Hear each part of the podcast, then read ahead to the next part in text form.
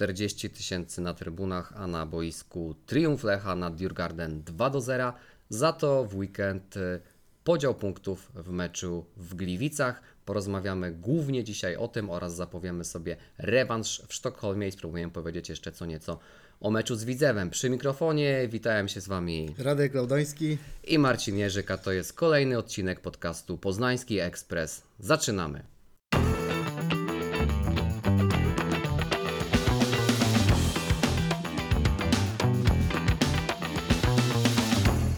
Dzień dobry, dobry wieczór, odnośnie od tego, w jakiej porze nasz, nas słuchacie. No i po raz kolejny możemy powiedzieć, że to był weekend albo nawet tydzień dla miłośników literatury klasycznej, bo znowu Lech zabawił się e, w doktora Jekylla i Mr. Hyde'a, może nie aż tak wyraźnie jak to było ostatnio, no bo jednak jakiś punkt z Gliwic został przywieziony. E, O tym meczu będziemy rozmawiać mniej chętnie, ale oczywiście ten temat również e, poruszymy, no ale zacznijmy od tego, e, co nas rozgrzewało mimo temperatury niekoniecznie sympatycznej, niekoniecznie korzystnej e, na trybunach i na boisku oczywiście również, czyli tego czwartkowego starcia z wicemistrzem Szwecji, z drużyną e, Djurgarden, dumą e, Sztokholmu. Fantastyczna atmosfera na trybunach, napakowany sektor gości. Łącznie w Poznaniu podobno było nawet około 4000 kibiców ze Szwecji. Część z nich oglądała mecz w takim jakiejś specjalnej strefie kibica na targach poznańskich. No ale oczywiście oprócz tego, co się działo na, na trybunach, to też e, przede wszystkim, nie też, e, wielkie, wielkie święto na e, boisku. E, Triumf Lecha w stosunku 2 do 0. Dokładnie taki wynik typowaliśmy sobie tutaj w naszym e, poprzednim e, odcinku podcastu e, Poznański Ekspres. E, Mało tego, Radek przecież dokładnie też wytypował skład, jaki John Vandenbrom e, wystawi na ten mecz. No to Radku, oddam Ci głos. Byłeś e, e, tam, może jakieś e, newsy z prasówki, może powiesz nam, czy Bigos na europejskich bucharach smakuje tak samo dobrze jak na lidze. No właśnie co do tego bigosu, no to jest zdecydowanie więcej ludzi w sali, gdzie podawany jest catering, więc na pewno trzeba być Ciężko się niż, dopchać, tak? niż, niż na meczach PKO BP Ekstraklasy. Też tak właśnie napomknąłem ten temat, że że udało mi się wytypować cały skład, jaki dokładny wynik i Maciej Kęszel, którego serdecznie pozdrawiam, też powiedział, że częściej muszę to robić, skoro, skoro taka skuteczność była przed tym No meczem z to na Djurgardem. pewno to powtórzymy na koniec odcinka. Jeśli chodzi, jeśli chodzi o jakieś takie newsy, no to myślę, że takim głównym newsem z tego meczu jest mimo wszystko coś negatywnego, no czyli to odsunięcie Christophera Welde z powodów dyscyplinarnych od tego meczu i kiedy tylko trener John Van Den Brom napomknął o tym dziennikarzom na konferencji prasowej, no to od razu mi się przypomniała ta sytuacja e, z meczu przeciwko Villarreal jeszcze rozgrywany w Walencji był ten mecz i wtedy też Christopher Welde posprzeczał się nieco z Johnem Van Den Bromem, że dlaczego nie grał w tak ważnym meczu, strzelał przecież bramki dla Lecha w lidze konferencji. Trener miał inną koncepcję na ten mecz i, przy, i jestem w stanie się założyć naprawdę o niemałe pieniądze, że tutaj sytuacja się się powtórzyła. Nie mam żadnego newsa w tej sprawie, ale to jest po prostu taka ludzka intuicja, że Christopher Welde strzelił dwie bramki Lech i Gdańsk. Od razu poczuł, że jest niezwykle istotną postacią dla Lecha Poznań, że od niego powinno się zaczynać ustalanie składu. No i kiedy zobaczył siebie na ławce, no to znowu się po prostu obraził, a to po prostu nie wynikało z tego, że, że trener chciał za wszelką cenę utrzeć nosa Christopherowi Welde, tylko trener chciał w większym stopniu grać atakiem pozycyjnym w meczu ze Szwedami. Grał Filip Szymczak, który znów zagrał bardzo dobre e, spotkanie. No i z, z racji tej innej koncepcji Welde musiał rozpocząć mecz na ławce, no i nie zaakceptował tego. No ja tak to coraz częściej obs- obserwując, po prostu dochodzę do wniosku, że ten chłopak po prostu do tej drużyny nie, nie, nie pasuje, no bo tak jak wszyscy piłkarze Lecha odznaczają się jakąś taką pokorą. Nawet teraz widzieliśmy, że Amaral mimo tych, tych scysji potrafi wejść na boisko i jakoś pozytywnie się zaangażować. I, I to, co było złe, gdzieś tam sobie z trenerem powyjaśniał, tak mam wrażenie, że, że z Weldem może się jeszcze tego typu historia powtarzać, a to na pewno jest troszeczkę toksyczne dla, dla drużyny. No i z takich newsów, co jeszcze mogę powiedzieć, na pewno zapytałem trenera o Pedro Reboczo na konferencji prasowej o przyczyny tego jego wzrostu e, formy. No, trener mi nie powiedział tak bezpośrednio o tych przyczynach wzrostu, ale zgodził się ze mną z tym, że, że Reboczo w meczach z Lechią czy czy z Djurgarden wyglądał bardzo dobrze i to jest gracz o, o możliwościach, jakie wiemy, jakie ma możliwości z zeszłego sezonu i, i trener bardzo się cieszy, że on teraz w końcu zaczął to, to pokazywać. Być może, być może w końcu fizycznie został odpowiednio przygotowany do tej rundy, poradził sobie z problemami zdrowotnymi i myślę, że w tych meczach zobaczyliśmy takiego Pedro, najlepszą jego, jego wersję, takiej, e, taką, jaką mogliśmy podziwiać jeszcze za czasów Macieja e, Skorży. No i też tak jeszcze wracając do tego meczu z Djurgardem, no to ja szczerze powiedziawszy takiego dopingu przy bułgarskiej nie słyszałem naprawdę od dawna. No tam ten, z- ten, widać było, że ci piłkarze byli niesieni cały czas przez tych, przez tych kibiców, ile ta twierdza bu, bułga- bułgarska znaczy w Europie. Też jak sobie sprawdzimy tą statystykę, że Lech ma bilans bramkowy 10, e, 10 bramek strzelonych, jedna stracona, no to lepsza w tym aspekcie jest tylko Fiorentina, która strzeliła 16, 3 ma stracone. No to też pokazuje, że każdy rywal, który tutaj przyjedzie do Poznania, musi się z tym stadionem zmierzyć i nie będzie to dla niego wyzwanie łatwe. No te 40 tysięcy kibiców, absolutny rekord. Drugie Lazio robi 19 tysięcy. Wszystko na ten temat. Myślę, że Poznań może być z tego dumny, że stajemy się troszeczkę taką stolicą tej ligi konferencji, że jeśli ktoś tutaj przyjedzie, no to wie, że ma do czynienia po pierwsze z, z drużyną, która jest naładowana jakością i takim duchem drużyny, a także z kibicami, którzy w taki fanatyczny sposób niosą ją ku kolejnym zwycięstwom. No i myślę, że po tym meczu można marzyć o jeszcze większych rzeczach. Jasne, no właśnie. E, życzylibyśmy sobie tego, jesteśmy zgodnie z tytułem poprzedniego odcinka nadal pełni nadziei, że Djurgarden to nie była ostatnia ekipa, którą mogliśmy e, gościć. No cały czas marzymy z Radkiem o tym, że na ten mecz w europejskich pucharach wybierzemy się bez, purt, bez kurtki puchowej, bez rękawiczek, kalesonów, czapki e, i tak dalej. No, cały czas rozmawiamy o tym i sobie dyskutujemy, e, m, gdzie jest sufit tej drużyny. Wspominaliśmy już kilkakrotnie słowa Radosława Murawskiego, że ten sufit jest dopiero e, w Pradze. Moja żona mi ostatnio mówiła po meczu e, z Djurgarden, Marcin, wy z Radkiem sobie już zaklepujcie noclegi w Pradze, bo potem zabraknie. Przecież wyjedziecie na finał i Poznański Ekspres nagrywacie e, z, e, właśnie z Pragi, bo tam będzie rozgrywany e, finał Ligi e, Konferencji Europy. No, ja bym sobie tego bardzo, bardzo mocno życzył, ale oczywiście mm, no, trzeba troszeczkę starać się przynajmniej e, stopniować te, e, te emocje i jeszcze nie sięgać aż tak daleko, daleko no bo przed nami jeszcze, jeszcze ten rewanż. Yy, oczywiście to 2-0 to był wynik, który typowaliśmy przed meczem, więc można powiedzieć, że bralibyśmy go w ciemno, natomiast po tym meczu ja przynajmniej mam taki leciutki, ale naprawdę leciutki niedosyt, żeby tu nie krytykować jakoś specjalnie po takim fantastycznym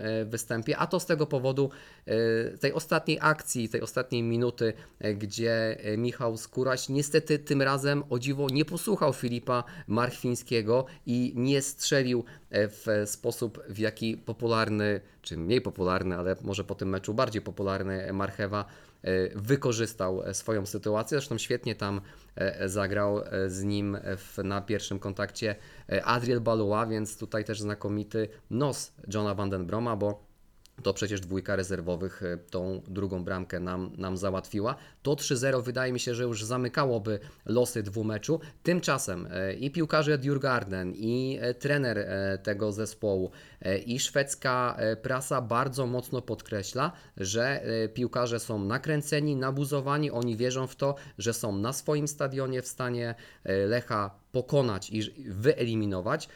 Ten stadion będzie również pełen kibiców. Do tego ta murawa, na której Lech e, nigdy nie grał. Grał oczywiście na tym stadionie e, w meczu z Hammarby, ale ta murawa wówczas wyglądała nieco inaczej i pewnie trzeba się będzie na nią e, przestawić. Ja Wam też powiem i Tobie, e, Radku, bo się chyba tym z Tobą nie dzieliłem, że nieco mnie e, Djurgarden w tym meczu czwartkowym rozczarowało. Przyznam się szczerze, że spodziewałem się nieco więcej, tak piłkarsko po tej ekipie, a miałem wrażenie, że oni poza krótkim fragmentem drugiej połowy raczej skupili się na takiej grze, no nawet bym powiedział momentami agresywnej i to troszeczkę mnie negatywnie e, zaskoczyło, ale też e, e, czytałem opinię e, e, trenera Grzelaka, trenera, który trenuje e, w Szwecji, że Djurgarden zagrało w tym meczu czwartkowym na 40-50% swoich e, możliwości i że prawdziwy potencjał e, pokażą dopiero w tym meczu e, domowym, więc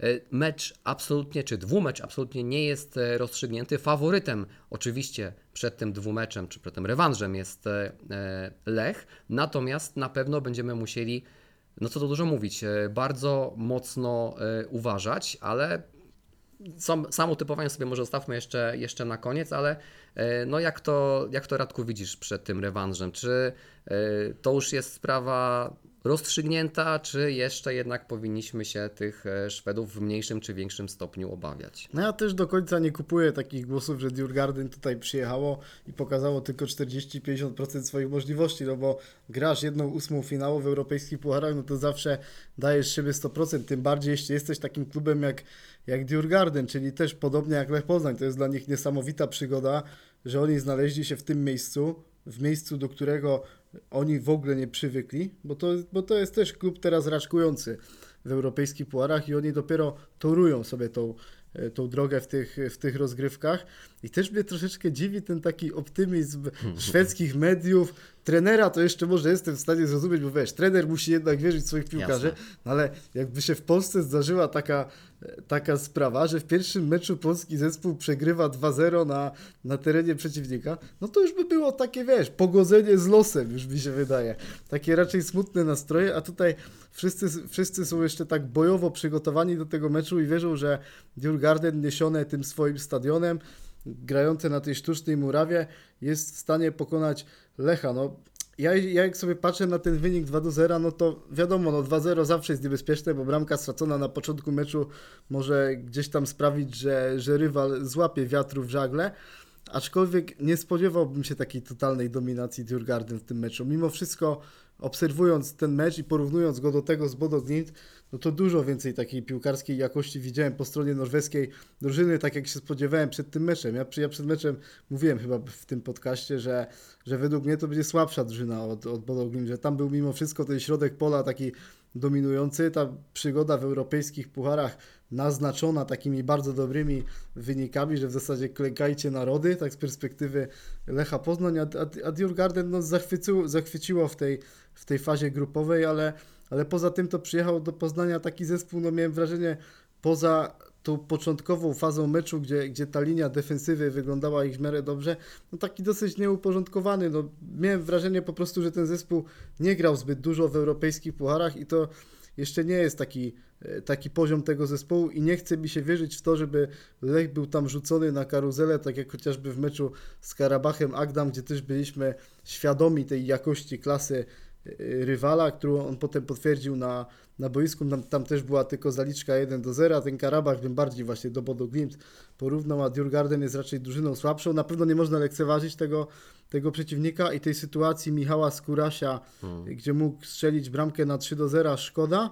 Aczkolwiek tak jak sobie ten mecz porównam całościowo, tak na chłodno, ja- jak on tutaj wyglądał, to wydaje mi się, że, że te 2-0 oddaje przebieg tych, tych boiskowych wydarzeń, bo, bo Djurgarden w drugiej połowie też miało 20 takich minut sprzyjających, gdzie, gdzie Lech miał dużo problemów z dokładnością, żeby, żeby dobrze wyprowadzić piłkę. Wtedy oni też tworzyli sobie pewne sytuacje bramkowe, czasem mogli zachować się się lepiej, ale był też taki okres, gdzie Lech miał drobne, drobne problemy, czy na początku meczu, czy potem w tamtej fazie, aczkolwiek potem też widzieliśmy, że Lech tak, może taka była taktyka, żeby być takim kameleonem, że kiedy trzeba, to my mamy piłkę, atakujemy, tworzymy sytuację, a, ale też są takie minuty, że musimy troszeczkę odpocząć, wpuścić rywala na, na swoją połowę i poszukać swoich sił w kontrataku. Widzieliśmy, że Lech stosując dwa te systemy gry potrafił szczelić bramkę rywalowi i to jest jak najbardziej zasługa Johna Vandenbroma, że Lech potrafi być takim kameleonem i dostosowywać się do wydarzeń boiskowych i, i szachować tymi stylami gry również w trakcie rywalizacji, nie tylko w dwumeczu, jak to miało miejsce z Bodo Glimt, ale też w jednym meczu, tak jak teraz w tym ostatnim meczu z Djurgarden przy Bułgarskiej. Tak, ja się na pewno zgadzam z tym, że to 2-0 e, oddaje przebieg tego, tego spotkania i to jest też taki myślę, e, kamyczek, a może nawet wielki kamlot do ogródka e, tych wypowiedzi i trenera, i piłkarzy, i właśnie e, szwedzkich e, e, dziennikarzy, bo faktycznie wypowiedzi trenera e, e, Djurgarden po tym meczu wskazywałyby, że to 2-0 się wzięło kompletnie z, e, z kapelusza, bo on mówił o tym, że Djurgarden w tym meczu e, dominowało, przeważało, miało kontrolę nad wydarzeniami boiskowymi. E, Tymczasem nic absolutnie nie potwierdza tej, tej wersji, bo to Lech w zasadzie grał większość spotkania atakiem pozycyjnym, miał przewagę w posiadaniu piłki, miał więcej strzałów, miał więcej strzałów celnych. Oczywiście Djurgarden swoje sytuacje miało, trochę szczęścia dla Lecha, bo kilka z tych sytuacji było, było niewykorzystanych na szczęście, natomiast nie, oddało, nie oddali Szwedzi żadnego celnego strzału na bramkę Filipa e, Bednarka. No i teraz pytanie, czy rzeczywiście ta drużyna jest w stanie e, zagrać kompletnie inne zawody i zagrać zupełnie inaczej? No po tym meczu czwartkowym absolutnie nic na to e, nie wskazuje. Natomiast no pewnie wiele będzie zależało od tego, jak potoczą się, no to nie powiem niczego odkrywczego, ale jak ten mecz się rozpocznie, bo to co wspomniałeś Radek, jeśli e, zdarzyłoby się tak, że Lech straciłby e, szybko bramkę, to na pewno drużynę Djurgarden napędzi. Co jeszcze e, istotne, myślę, a może być istotne dla tego czwartkowego e, spotkania. W niedzielę Djurgarden grało e, w e, ćwierćfinale Pucharu Szwecji i dopiero po rzutach karnych wyeliminowali Malmę, no więc mają na swoim koncie 30 minut więcej e, w nogach. Oczywiście wiadomo, że e, Tutaj jest jakaś tam głębia składu, że będą rotacje, będą zmiany. To samo było zresztą w Lechu, zaraz przejdziemy do meczu w Gliwicach. Natomiast e, w takich meczach, które mogą być na styku, albo przynajmniej potencjalnie mogą być na styku przy przeciwnikach o w miarę zbliżonej klasie, takie kwestie jak 30 dodatkowych minut w nogach na tyle samo czasu do meczu, niby drobny niuans, ale on gdzieś tam może mieć ostatecznie również e, znaczenie, więc ja oczywiście wierzę w to, po pierwsze, że wywieziemy remis, bo tak bym, e, pewnie sobie obstawimy jeszcze, ale e, ja bym ten remis przyjął e, z pocałowaniem ręki, no i że w związku z tym w piątek weźmiemy udział w ostatnim losowaniu Ligi Konferencji Europy w tym sezonie, bo będzie wówczas losowany zarówno ćwierćfinał, jak i półfinał. No i tak się zastanawialiśmy z Radkiem, skoro jest taka, albo mamy nadzieję, że będzie taka wyjątkowa sposobność, to może by e, z tej okazji przygotować specjalne wydanie Poznańskiego e, Ekspresu, tym razem nie w wersji podcastowej, a w wersji e, streamowej, live'owej, YouTubeowo-twitchowej. Jak tylko w czwartek mecz się zakończy i zakończy się po naszej myśli, to śledźcie nasze media społecznościowe, damy znać, czy coś e, w tym temacie będzie się działo. A Wy też dajcie nam znać, czy właśnie Was e, e, też tego typu aktywność interesuje, czy chcecie sobie z nami podyskutować, e, pokomentować i poprzeżywać wspólnie e, ten mecz czwartkowy, który przed nami oraz e, wyniki e, losowania. E, Radku, no to jak typujemy ten rewanż? No, ja chciałbym zobaczyć Lecha w tym średniowiecznym wydaniu w, w Djurgarden. Szczerze powiedziawszy, jakby było takie 0-0 po bez, bezbarwnym jak w meczu z Bodogiem, to by- bym był naprawdę zadowolony. Nie narzekałbym na brak zwycięstwa, bo wolałbym te trzy punkty w meczu kolejnym z Widzewem Łódź. No i ta obrona Lecha Poznań to jest na pewno taki monolit, który należy pochwalić. No, Dager Sztola, Milicia, Salamona może nam, może nam zazdrościć wiele klubów Europy, tak samo Joela Pereiry czy Pedro Reboczo, którzy byli tak dysponowani jak podczas ostatniego meczu e, z Djurgarden. Też sobie przypomnijmy, że Antonio Milić długo czekał na, na, na swoją bramkę wcześniej w lidze, bo on się przełamał po prawie, po prawie roku, kiedy strzelał gola Lechii Gdańsk. I, I też pamiętam, e, trener Van den Brom tak, tak chwalił drużynę za to, że w końcu się udało zdobyć wtedy bramkę po stałym fragmencie gry. No i kiedy zobaczyłem tą bramkę pierwszą zdobytą Djur- Djurgarden, to sobie myślałem, kurczę, no co to jest za sposobność losu, że po pierwsze Lech się przełamuje, jeśli chodzi o Milicia, o bramkę obrońcy, pierwszą w tym sezonie, o stały fragment gry i wszystko wypisz, wymaluj, jest przeniesione na ten, na ten mecz z Djurgarden i chciałbym naprawdę jeszcze raz zobaczyć taki dobry występ naszej obrony, no bo są tak naprawdę tylko teraz trzy europejskie drużyny, które jeszcze nie straciły bramki w fazie pucharowej. To jest Bayern Monachium, AC Milan i, i Lech Poznań. I naprawdę teraz się możemy Niezłe śmiać, ale, ale widząc taką, taką statystykę, czy też przygotowując sobie to, że Lech ma czwarty bilans bramkowy w lidze konferencji, bo lepszy jest tylko Baszak Szechir, Fiorentina, West Ham, no to człowiek robiąc takie statystyki, będąc jeszcze pod wpływem silnych emocji gdzieś tam po meczu w czwartek, no jest w stanie się troszeczkę nawet, nawet wzruszyć tym, tym Lechem Poznań, więc ja naprawdę chciałbym zobaczyć przede wszystkim w czwartek drużynę, która gra w obronie na takim poziomie, do którego nas przyzwyczaiła w europejskich pucharach i nie mam wielkich wymagań, jeśli chodzi o, o styl gry, o to, czy my wygramy w Szwecji, gdzieś tam liczy się bardziej ten awans, więc takie 0-0 po bezbarwnym jak najbardziej przyjmuję z uśmiechem na ustach. Tak, to sobie płynnie teraz e, przejdziemy za chwilę do, do meczu ligowego. Ja jak najbardziej 0-0 biorę w ciemno, ale gdyby się zdarzyło, że będzie 1-1 po takim e, występie jak w Gliwicach, to także nie będę e, narzekał. Natomiast e, nie wiem, trochę może, trochę może ponarzekamy na tego Mr. Hyda e, e, z Gliwic, ale zanim o e, samym meczu w Gliwicach, o samym występie Lecha, no to nie da się nie powiedzieć kilku słów o tym, na jakim boisku przyszło nam w tych Gliwicach grać. Jak ja patrzyłem na to e, pole ryżowe połączone z kartofliskiem i już naprawdę nie wiem e, e, czym jeszcze Kreta tam tylko dosłownie e, na, na środku boiska brakowało. Zastanawiam się po co jest komisja licencyjna, po co e, w ogóle te murawy są oglądane, stadiony są e, wizytowane, jeżeli później przychodzi piłkarzom na najwyższym e, poziomie rozgrywkowym w Polsce grać. Jeżeli Piast Gliwice nie jest w stanie przygotować się murawy, nie powinien u siebie grać albo powinien oddawać mecze e, walkowerem, to nie ma nic wspólnego z, granią, z graniem e, w piłkę. Jeżeli Piast Gliwice chce e, użyczać swojego stadionu ruchowi Chorzów i na tym zarabiać, to powinien później e, e, zainwestować te pieniądze i doprowadzić murawę do takiego stanu, aby było e, e, się w stanie na tym e, boisku po prostu grać e, w piłkę. E, Natomiast co do oczywiście e, samego meczu, no to tutaj chyba e, nikt nie będzie miał e, wątpliwości, że no to był po prostu słaby mecz, ogólnie słaby mecz, słaby mecz piłkarsko. Abstrahując od, od tej murawy, która oczywiście jest dla wszystkich równa i tam przyjecha- przyjeżdżały też inne ekipy i musiały sobie na tym boisku w taki czy inny sposób e, radzić. Natomiast wydaje mi się, że Lech chyba zbyt długo na tej murawie próbował grać w piłkę, co się kompletnie e, nie mogło e, udać.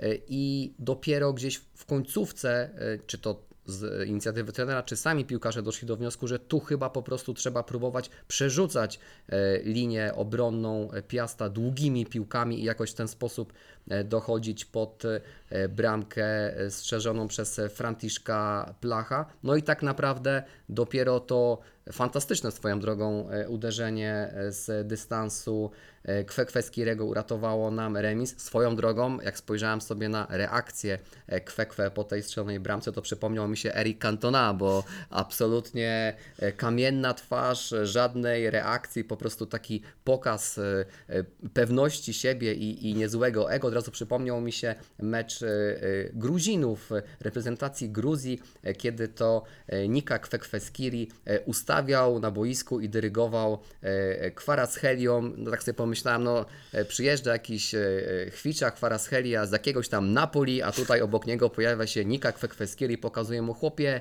tak się ustawia na boisku, tak się wykonuje rzuty wolne, tak się wykonuje rzuty rożne. Ja powiem Wam szczerze, jestem takim, może nie psychofanem, ale naprawdę miłośnikiem naszego poznańskiego Gruzina. To jest taki nieoczywisty piłkarz, który potrafi czasami mocno zirytować, tak trochę jak e, Christopher e, Welde, w którego mimo wszystko jeszcze wierzę, bo w tych Gliwicach też trochę ożywienia w nasze szeregi wniósł, natomiast sam e, Kwekwe może długimi minutami nie istnieć, może robić e, dziwne błędy, może podejmować dziwne decyzje boiskowe, a potem nadchodzi taki moment, że po prostu no, gęba się otwiera ze, ze zdziwienia. I troszeczkę jest z Christopherem Welde. On ma też pewnie jakiś jeszcze problem, zresztą wspominałeś, że gdzieś tam ta głowa u niego e, nie dojeżdża, natomiast potencjał e, piłkarski jest i ja wierzę w to, mówiąc teraz o, o naszym Norwegu, że to ostatnie ostrzeżenie od Johna van den e, Broma e, e, zadziała.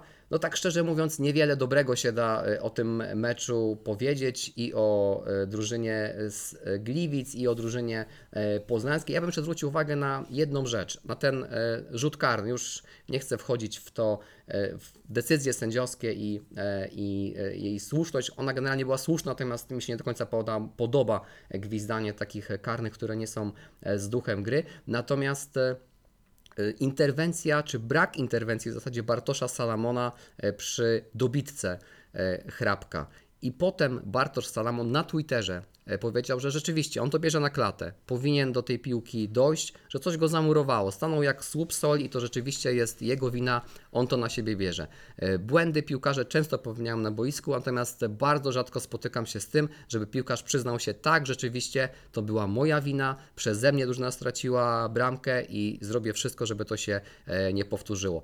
Panie Bartoszu, gdyby, gdyby jakimś cudem e, Pan mnie teraz słyszał, naprawdę szacunek e, e, z mojej strony i, i głębokie ukłony. No i powodzenia w kolejnych spotkaniach. Oby już takie sytuacje się nam i Panu również nie zdarzały. No ja myślę, że Bartek Salamon to jest taka ostoja Lecha Poznań, nie tylko ostoja na boisku, w szatni, bo widzimy ile tutaj daje, no ale też nawet w mediach, czy są takie wypowiedzi, tak jak na przykład ta Marka Wawrzynowskiego, czy inne, kiedy Lech Poznań jest atakowany, no to wtedy Bartek Salamon się nie boi i gdzieś tam tak twardo tego, tego Lecha broni w tych mediach i myślę, że taki głos jest jak najbardziej potrzebny i gdzieś tam to przyznanie się do błędu no pokazuje po prostu, jakim Bartek jest człowiekiem, który przede wszystkim na, na pierwszym miejscu stawia sobie szczerość, żeby być szczerym z kibicami, ale też z samym sobą. No, trzeba gdzieś tam dać trochę Bartkowi taryfy ulgowej, bo on po tym, jak miał długą przerwę, on tak wygląda bardzo dobrze na boisku. No popełnia jeszcze błędy, no bo no nie będzie wyglądał teraz jak Filip Dagerstall, który, który po prostu jest absolutnym profesorem, a Bartek jeszcze trochę tego czasu na boisku musi spędzić po kontuzji, żeby, żeby takich błędów się wystrzegać. Co do kwe- kwestii Riego, no to zgodzę się z tym, że dług, długimi fragmentami on irytuje, ale miał w rundzie jesiennej takie mecze, gdzie, gdzie był ustawiony obok Kalsztrema i praktycznie miał każdą decyzję boiskową dobrą. I wtedy pamiętam, jak się zachwycaliśmy tym duetem, ale co do Kwekwe, on może irytować, ale dwa atuty on pokazuje zawsze. Po pierwsze, strzał z dystansu, chociaż bywały mecze, gdzie, gdzie nie szło. To widzieliśmy, e, co się działo w paru spotkaniach, ale ten strzał z dystansu on generalnie ma dobry, jak z pierwszej piłki uderzy. A dwa, on świetnie wykonuje stałe fragmenty gry, jak podchodzi do rzutu rożnego. No, widzieliśmy chociażby tą słynną bramkę Mikaela Iszaka zdobytą w Gliwicach podczas tego meczu, gdzie udało się e, wyprzedzić Raków Częstochowa, już tak legendarnie wspominaną w Poznaniu, no to ona, ona też gdzieś tam była e, ta akcja rozpoczęta przez Kwekweskiriego, który, który bardzo dobrze wykonał rzut rożny. Co do stanu boiska w Gliwicach, to tak naprawdę tam nie ma czego komentować i uważam, że, że zarówno PZPN, jak i Ekstraklasa powinny przestać być bierne w tej kwestii, żeby, żeby po prostu grać na takich, na takich kartofliskach, bo, bo drużyny takie jak Lech Poznań, które chcą mieć długo piłkę przy nodze, tworzyć sobie sytuacje bramkowe, po prostu wtedy cierpią i muszą sobie przeorganizować praktycznie cały plan na mecz i, i, to, i to, co było trenowane przez, przez cały mikrocykl treningowy. Nie można tego wiecznie tłumaczyć pogodą, że jest mróz, tak, na, tak naprawdę czy śnieżyca. No z tym też się musiał zmagać Poznań przed meczem z Djurgarden, a tam jakoś murawa wyglądała bardzo dobrze. Też nie jestem teraz specjalistą od, od funkcjonowania muraw, jak się powinno je dbać, jak pielęgnować, no ale skoro gra tam ruch Chorzów, no to myślę, że, że mimo wszystko większe środki powinny być przeznaczane na to, żeby, żeby ta murawa była w lepszym stanie. I na pewno to jest duży aspekt, który sprawił, że Lech Poznań zagrał tak słabe spotkanie, bo y, ja szczerze mówiąc jestem za- zadowolony w miarę z tego remisu, że nie udało się przegrać, aczkolwiek wynik mam wrażenie był dużo lepszy niż gra Lecha w tym meczu, że, że nawet jak Lech przegrywał ze Śląskiem Wrocław czy Zagłębiem Lubin te ostatnie mecze, to Lech tak naprawdę jeśli chodzi o, o takie konstruowanie akcji, o taki poziom emocji w tych meczach, to my mogliśmy być pod tym kątem zadowoleni. No, szwankowała ta skuteczność, do której się tak odwoływaliśmy, ale, ale poza tą skutecznością to w tych meczach dużo rzeczy grało. A tutaj mam wrażenie, że to był najbardziej jałowy mecz od dawna Lecha Poznań w lidze. To podobny bardzo do tego z Krakowią, który no, też bardzo ciężko się oglądało. Lech miał duże problemy z konstruowaniem akcji. Piast zbierał wiele piłek, ta murawa im pomagała, ale Lech nie miał zupełnie pomysłu, jak tą, ob- jak tą obronę sforsować. Długo nie mógł sobie stworzyć żadnej takiej klarownej sytuacji bramkowej. Też bym chciał parę słów o Marchwińskim powiedzieć, bo zagrał, dał świetną zmianę w meczu z Djurgardem, strzelił tą piękną bramkę i miał takie momentum w karierze. Ja też właśnie tak podniośle wtedy napisałem na, Twitterze, że może to jest ten moment, kiedy, kiedy Filip w końcu odpali na miarę swoich możliwości w Lechu Poznań. Że on po prostu potrzebował takiego czegoś, żeby na takiej wielkiej europejskiej scenie być tym kluczowym graczem, ale widząc go w Gliwicach, no to po prostu miałem wrażenie, że on się obudził z tego pięknego snu, no bo tak naprawdę nic mu nie wychodziło na boisku. Przyjęcie, wykończenie, podanie do, do kolegi, no tak naprawdę miał całą, całą masę miał błędnych decyzji i, i, i nie, było, nie, nie było najmniejszej takiej decyzji, za którą mogłem go, go pochwalić na boisku, więc jeśli chodzi o, o to, jak Lech wyglądał, jeśli chodzi o grę w tym meczu zremisowanym, to według mnie był to dużo słabszy mecz niż, niż ten z Zagłębiem i, i Śląskiem Wrocław i tak naprawdę tylko ta murawa może sprawić, że, że je- ja jakoś się nie, nie denerwuję od tego Lecha przez, przez pryzmat tego meczu, bo jeśli przy normalnej murawie Lech by zagrał tak jak wczoraj, to już by było takie bicie To alarm, sygnał że- ostrzegawczy że coś, że coś tam jest mimo wszystko nie tak. Jedyny jaki kamyczek bym miał do Johna Vandenbroma za, za te spotkanie, to taki, że, że zagrał od początku Michał Skóraś, a, a nie Christopher Welde. Wiemy, Mhm. wiemy, ile tych meczów ma Michał Skóraś już w swoich nogach.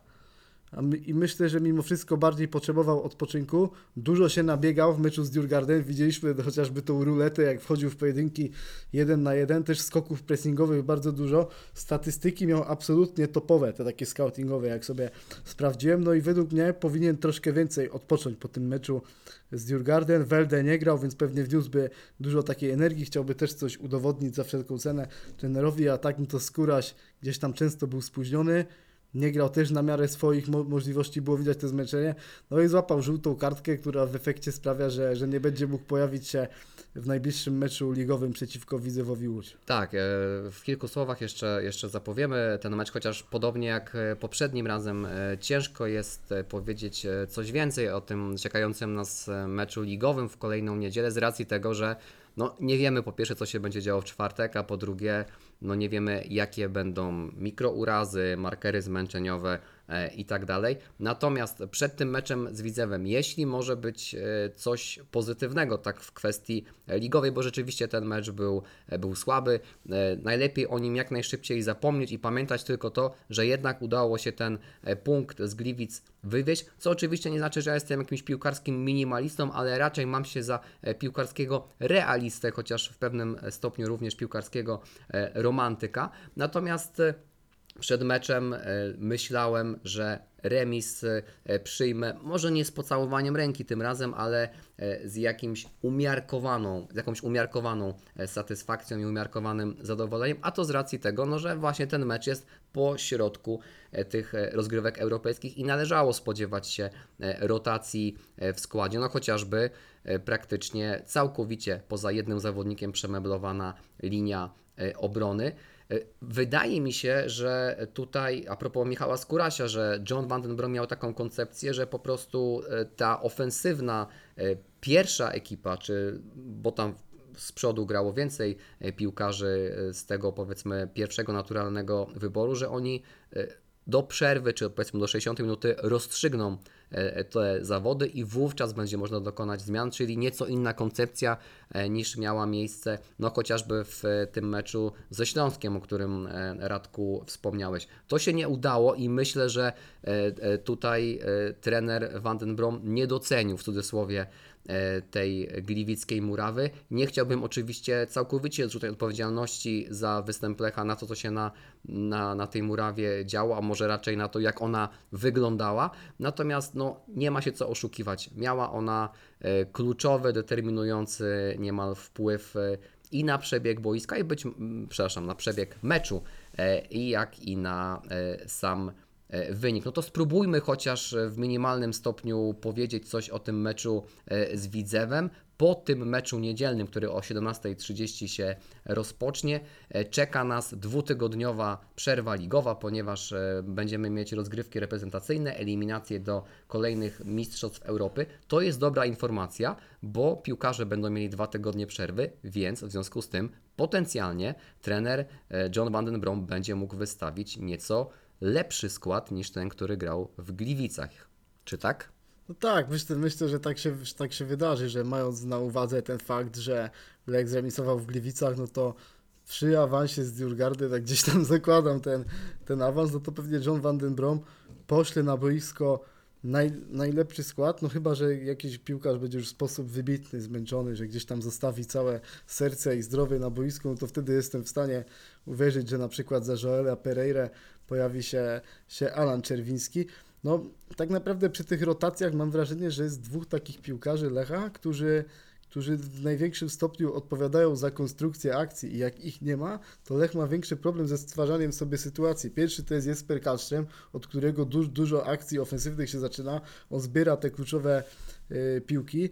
No i w meczu z Djurgarden to też był na absolutny szef środka pola. No on pozwolił tą formację całą zdominować i dzięki niemu Lech zachował taką płynność w grze, a drugi to jest Joel Pereira, no, który, który tymi niekonwencjonalnymi zagraniami jest, jest w stanie dać dużo drużynie. Tak jak wcześniej powiedziałeś o, o tym meczu, że za długo Lech próbował grać w piłkę i atakiem pozycyjnym tego rywala zamać, no trzeba może było zagrać troszeczkę tej lagi na Mikaela, jak, się to tak mówi u nas, u nas potocznie, bo no, był, to, był to na pewno taki, taki mecz, który po prostu trzeba było przepchnąć kolanem 1 do 0 po jakiejś, po jakiejś kontrze, po, po bezbawnym meczu, ale gdzieś tam na siłę próbował cały czas rozgrywać, no i wyszedł z tego tak naprawdę taki mecz dementor, który cię, ciebie po prostu wyzuł z całych emocji. Ja szczerze powiedziawszy, teraz powiem coś, czego, czego mi nie Czego nie wypada powinieneś powiedzieć, ale ale ja podczas tego meczu prawie zasnąłem na koniec tego, tego spotkania. Tak naprawdę gol Kwekweskiriego mnie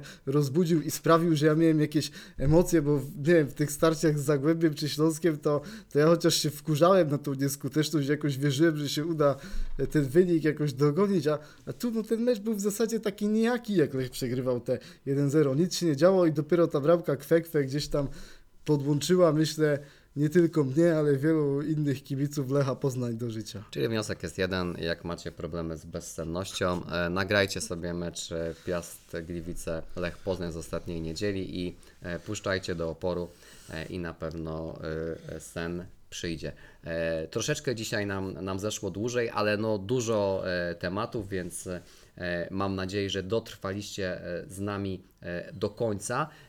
Tak jak mówiłem, jeżeli w co bardzo wierzymy, Lech wywalczy ten awans i będziemy przeżywali również e, losowanie, to będziemy e, próbowali się z Wami zobaczyć e, w nieco innym wydaniu, w specjalnym wydaniu Poznańskiego Ekspresu w piątkowy wieczór. Dajcie nam znać w komentarzach, wiadomościach i tak czy takie rozwiązanie jest dla Was e, akceptowalne, czy jesteście chętni po prostu, żeby się z nami w takiej konwencji również e, e, zobaczyć. E, Trzymamy kciuki za Lecha w czwartek e, i mam nadzieję, że również w piątek e, e, w losowaniu. W podcaście usłyszymy się na pewno tradycyjnie za tydzień, a być może e, damy Wam znać jeszcze wcześniej, czy zobaczymy się również tutaj e, nie tutaj, ale w, na innej platformie, ale w e, innej konwencji, w konwencji wideo e, na żywo. Dzisiaj byłoby to już e, wszystko w tym odcinku Poznańskiego Ekspresu. Za wysłuchanie dzisiejszego odcinka dziękuję Wam Marcin Jerzyk oraz Radek Laudański. dzięki serdeczne, dobrego tygodnia i fantastycznych emocji w czwartek. Do usłyszenia za tydzień. Trzymajcie się, cześć.